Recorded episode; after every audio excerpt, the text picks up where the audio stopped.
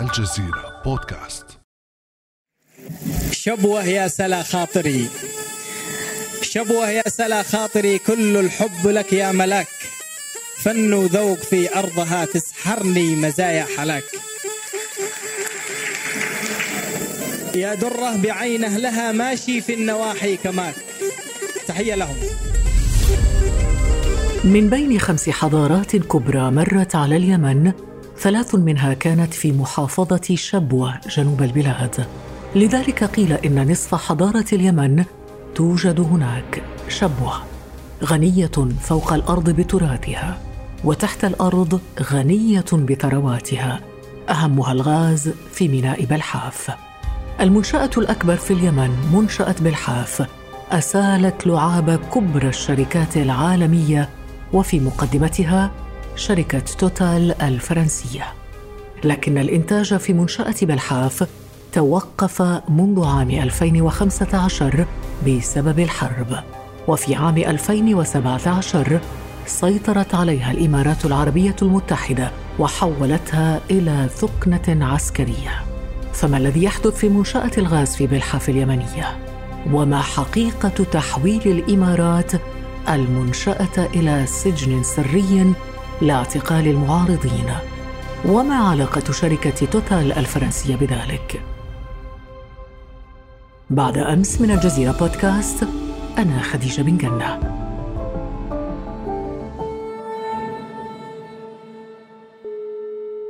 ونرحب في هذه الحلقة بالأستاذ عبد الواحد العوبلي الباحث الاقتصادي اليمني المختص في النفط والغاز من كوالالمبور في ماليزيا. صباح الخير أستاذ عبد الواحد. صباحكم سعيد أستاذة خديجة. وإن كان عندكم في ماليزيا أعتقد ليل. كم ساعة عندكم؟ الوقت حاليا بعد الظهر في كوالالمبور. آه جميل. إذا مساء الخير بالنسبة لك وصباح الخير بالنسبة لي مستمعي البودكاست.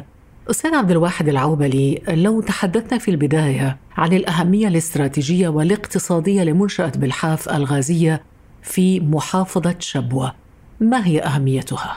منشأة بالحاف هي ميناء التصدير الخاص بالغاز الطبيعي المسال المنتج في محافظة مارب قطاع 18 صافر وهذه المنشأة تدر على اليمن حوالي مليار دولار سنويا مقابل مبيعات الغاز الطبيعي والتي تمثل حصة الحكومة اليمنية من ضمن أربعة مليارات دولار هي إجمالي إرادة المنشأة التي يحصل عليها جميع الشركاء. وبالتالي هذه المنشأة تشكل إحدى المصادر المهمة للعملة الصعبة التي تحتاجها اليمن خصوصا في الوقت الراهن الذي تعاني فيه من شحة العملة الصعبة في السوق المحلي وتدهور الريال اليمني بسبب ذلك. هذا من ناحية. ومن ناحية أخرى فإن إنتاج الغاز الطبيعي يؤثر على إنتاج النفط لأن النفط المنتج في مأرب يتأثر بعدم تصدير الغاز الذي يتم إعادة حقنه في الآبار أو حرقه في الجو وبالتالي تتأثر حتى الكميات المنتجة من النفط بسبب هذه العمليات. وعليه فإن استئناف تصدير الغاز الطبيعي سيرفع من الكميات التي يمكن إنتاجها من النفط الخام في صافر.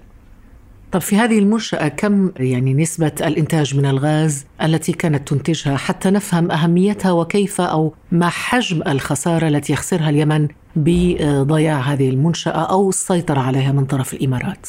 تقدر الطاقة الإنتاجية للمشروع ميناء بالحاف حوالي 6.7 مليون طن متري من الغاز الطبيعي المسال سنويا. حصة اليمن من إيراد الغاز حوالي مليار دولار سنويا وبالتالي نحن نتحدث آه، عن أن اليمن فقدت منذ بداية الحرب أكثر من 6 مليار دولار. هذه تعتبر الخسارة المباشرة. لكن كما ذكرت سابقا أن هناك خسارة غير مباشرة أو ما يسمى بالفرصة البديلة آه، بسبب إيقاف تصدير الغاز المسال مما أثر على إنتاج النفط الخام من حقول صافر في مارب. الآن صافر لا تنتج أكثر من عشرين ألف برميل يوميا بينما قدرة حقول صافر نفسها في عام 2014 كانت تصل إلى أكثر من أربعين ألف برميل يوميا. فلكم أن تتخيلوا أستاذة خديجة حجم الخسائر سواء المباشرة أو الغير مباشرة نتيجة لتعطل ميناء بلحاف سواء من تصدير الغاز المسال أو من تأثر إنتاج النفط الخام. وبحسبة بسيطة يمكن تقدير هذه الخسائر بمبالغ تتجاوز العشرة مليار دولار طوال سنوات الحرب.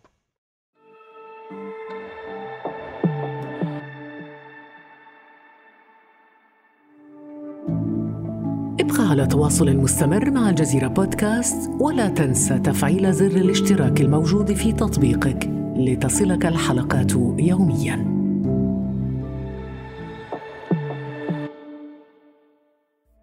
وكل هذا بسبب الإمارات أستاذ عبد الواحد، الإمارات تقف حجر عثرة في وجه تشغيل هذه المنشأة الغازية منشأة بلحاف وترفض تسليمها للحكومة الشرعية حسب محافظ شبوة محمد صالح بن عديو، لنستمع إليه. الآن المنشأة هذه تتواجد فيها القوات الإماراتية وحولتها إلى ثكنه عسكرية، المنشأة واقفة للسنة الخامسة على التوالي وستدخل السنة السادسة وهي واقفة. نحن بلد نعتمد على إيرادات النفط والغاز في تسيير أمور بلادنا. 60% من موازنة الدولة كانت تأتي من عائدات الغاز. اليوم هذه المنشأة بالعربي الفصيح. تقف الإمارات حجر عثرة في تشغيلها إذا بالعربي الفصيح يقول محافظ شبوة الإمارات تقف وراء تعطيل تشغيلها. إذا السؤال أستاذ عبد الواحد لماذا تعطل الإمارات تشغيل هذه المنشأة؟ الواقع أن تعطيل منشأة بالحاف ليس إلا جزء من سياسة تتخذها الإمارات بالشراكة مع المملكة العربية السعودية ضمن ما يسمى بالتحالف العربي لدعم اليمن دعم اليمن بين قوسين. لأن ما يحصل على أرض الواقع ليس إلا تقويضا لليمن وتعطيلا لمصالحها الاقتصادية. لأن منشأة بلحاف ليست هي فقط المعطلة أو الخارجة عن الخدمة. لدينا كذلك ميناء عدن ميناء نشطون لدينا مطار ريان مطار الغيضة كل هذه منشآت معطلة أو لا تستطيع العمل بطاقتها التشغيلية الكاملة. أو يتم استخدام هذه المنشآت لأغراض عسكرية و سجون ومراكز تعذيب وما إلى ذلك. وبالتالي فإن تعطيل منشأة بلحاف ليس إلا جزء من كل ضمن مخطط ممنهج يستخدمه التحالف لتعطيل وتقويض اليمن اقتصاديا. لأن تقويض اليمن اقتصاديا يعني ببساطة عدم تمكن اليمن على الاستقلال بقرارها السياسي. والذهاب بعيدا بسياسة مستقلة عن أجندة التحالف العربي. بينما حاليا الحكومة اليمينية تتلقى كل تعليماتها من دول التحالف وتعتمد اقتصاديا على ما تجود به السعودية أو الإمارات سواء من مساعدة إنسانية أو ودائع بنكية أو حتى مساعدة عينية كمشتقات نفطية وغيرها وغيرها بغرض فقط الحفاظ على ما تبقى من الحد الأدنى من الاقتصاد اليمني الذي وصل فعليا إلى حافة الانهيار. يعني بمنطق المصلحة ألا يفترض أن تشغلها الإمارات؟ يعني هذه المنشأة أن تشغل من طرف الإمارات لتمويل الميليشيات التي تديرها الإمارات هناك في شبوة؟ ليس من السهولة تشغيل منشأة يمنية هي أصلا بالشراكة مع شركات أجنبية لصالح الإمارات. في النهاية هذه منشأة مملوكة لشركات فرنسية وكورية وأمريكية بالإضافة إلى الحكومة اليمنية نفسها. وتحكم هذه العملية اتفاقيات وعقود دولية الأمر الذي قد يسبب للإمارات عواقب قانونية وحتى مالية في حال ما قرروا أنهم يستفيدوا من إرادة هذه المنشأة لصالحهم نعم واضح أستاذ عبد الواحد أنه فعلا العملية معقدة وهي حرب موانئ في النهاية تريد الإمارات السيطرة على الموانئ لكن الهدف الرئيسي الكبير ما هو بالنسبة للإمارات؟ الهدف بالنسبة للإمارات هو تعطيل الموانئ اليمنية وتعطيل الموانئ اليمنية لن يتم إلا بتعطيل اليمن بشكل عام. وبالتالي هم حريصون على بقاء وضع الحرب كما هو عليه لكي لا تتمكن اليمن من الاستفادة من مواردها وتشغيل موانئها. الإمارات تعرف تمام المعرفة أن تشغيل الموانئ اليمنية سيؤثر بشكل مباشر على موانئ الإمارات وأولها ميناء دبي بحكم أنه لو عمل ميناء عدن مثلا وتمكن من تقديم الخدمات التي تحتاجها السفن سواء التزود بالوقود أو الخدمات اللوجستية الأخرى وعمليات التبادل التجاري. فلم تكن هناك مصلحة للسفن التي تأتي على سبيل المثال من شرق آسيا في طريقها إلى البحر الأحمر.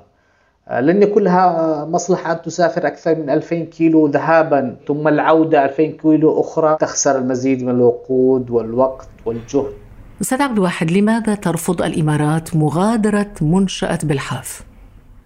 لنتكلم بكل وضوح وبكل صراحة أن هناك مخطط استعماري تستهدف الإمارات تنفيذه داخل اليمن ويظهر بشكل واضح في حرصها على السيطرة على الساحل اليمني في البحر العربي وعلى البحر الأحمر بالإضافة إلى سيطرتها على الجزر اليمنية ومنها جزيرة سقطرى وجزيرة ميون التي تقع في مدخل باب المندب على مدخل البحر الأحمر لم تكتفي الإمارات بعرقله تشغيل المنشأة بل حولتها إلى ثكنة عسكرية ومركز سري لاعتقال المعارضين على مرأى ومسمع من شركة توتال الفرنسية وفق وزراء وأحزاب سياسية وقادة قبليين في اليمن.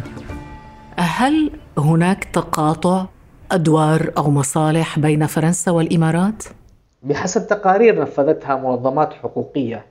كان أولها منظمة سام للحقوق والحريات التي رصدت اعتقال وحجز مواطنين يمنيين في السجن داخل منشأة بلحاف وتبعه بعد ذلك تحقيقات استقصائية أجريت من قبل مؤسسات فرنسية إحداها منظمة آه، أصدقاء الأرض ومنظمة أخرى اسمها مرصد التسلح. كل هذه التقارير أثبتت تورط شركة توتال والسياسة الفرنسية بشكل عام مع الإمارات. بالسماح لهم باستخدام منشأة بلحاف كقاعدة عسكرية وسجون سرية في مخالفة واضحة. الهدف الذي أنشئ من أجله ميناء بلحاف النفطي. ويخالف كذلك القانون الفرنسي الذي يجرم تورط أي طرف أو مؤسسة فرنسية في قضايا انتهاكات لحقوق الإنسان. وحتى عند البحث عن أسباب هذه التصرفات من قبل توتال وجد أن هناك ما يشبه التعاون ما بين الإمارات وفرنسا ظهر بشكل واضح آه، على الأقل آه، مؤخرا أن هناك مبيعات تزيد عن 4.7 مليار يورو للإمارات ما بين العام 2010 و 2019 من بينها مليار ونص مبيعات الأسلحة الفرنسية للإمارات في عام 2019 يكون هذا تفسير واضح للتورط ما بين الإمارات وفرنسا في اليمن. لكن لافت أستاذ عبد الواحد العوبلي أن المنشأة منشأة بلحاف تستغلها شركة ذات سمعة عالمية هي شركة توتال، ما الذي يفسر تغاضي شركة توتال الفرنسية عن كل هذه الانتهاكات برأيك؟ من الواضح أن هناك تنسيق أو تواطؤ بين شركة توتال والإمارات، ومن معرفتي الشخصية بشركة توتال والفساد الموجود فيها ف استطيع القول أنه من السهل شراء ذمم المسؤولين فيها لتنفيذ أي تعليمات أو إجراءات تخدم الإمارات. وهذا طبعا يفسر تواطؤ شركة توتال وسماحها للقوات الإماراتية باستخدام منشاه بلحاف وتحويلها إلى سجون ومواقع للتعذيب.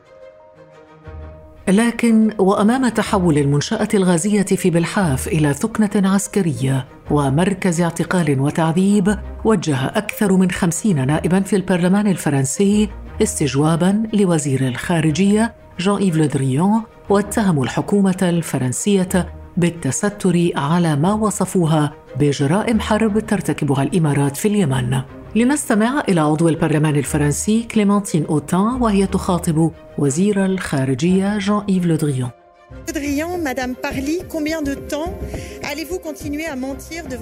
السيد لودريون والسيدة بارلي كم من الوقت ستكذبان على ممثلي الأمة؟ في فبراير الماضي سألتك وزيرة الجيوش عن منشأة بلحاف الواقعة في الأراضي اليمنية ويحتلها الجيش الإماراتي وفقا لمنظمات غير حكومية عديدة.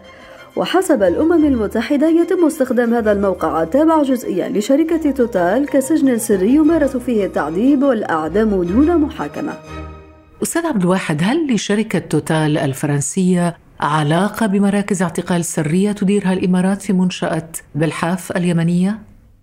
أتصور أن في هذه الحالة شركة توتال متورطة بتقديم الدعم اللوجستي والفني للقوات الإماراتية القوات الإماراتية موجودة في منشأة أصلا تعتبر ميناء نفطي وتستخدم مهبط طائرة الهليكوبتر الخاصة بالميناء وتستخدم مهبط الطائرات التجارية الخاصة بالميناء كذلك وتستخدم مصادر الكهرباء الموجودة في الميناء ومصادر المياه وكذلك تستفيد من خدمات التغذية والخدمات اللوجستية الأخرى وبالتالي لا يمكن بأي حال من الأحوال أن لا تكون توتال ضالعة ومتورطة مع القوات الإماراتية في هذا الموضوع.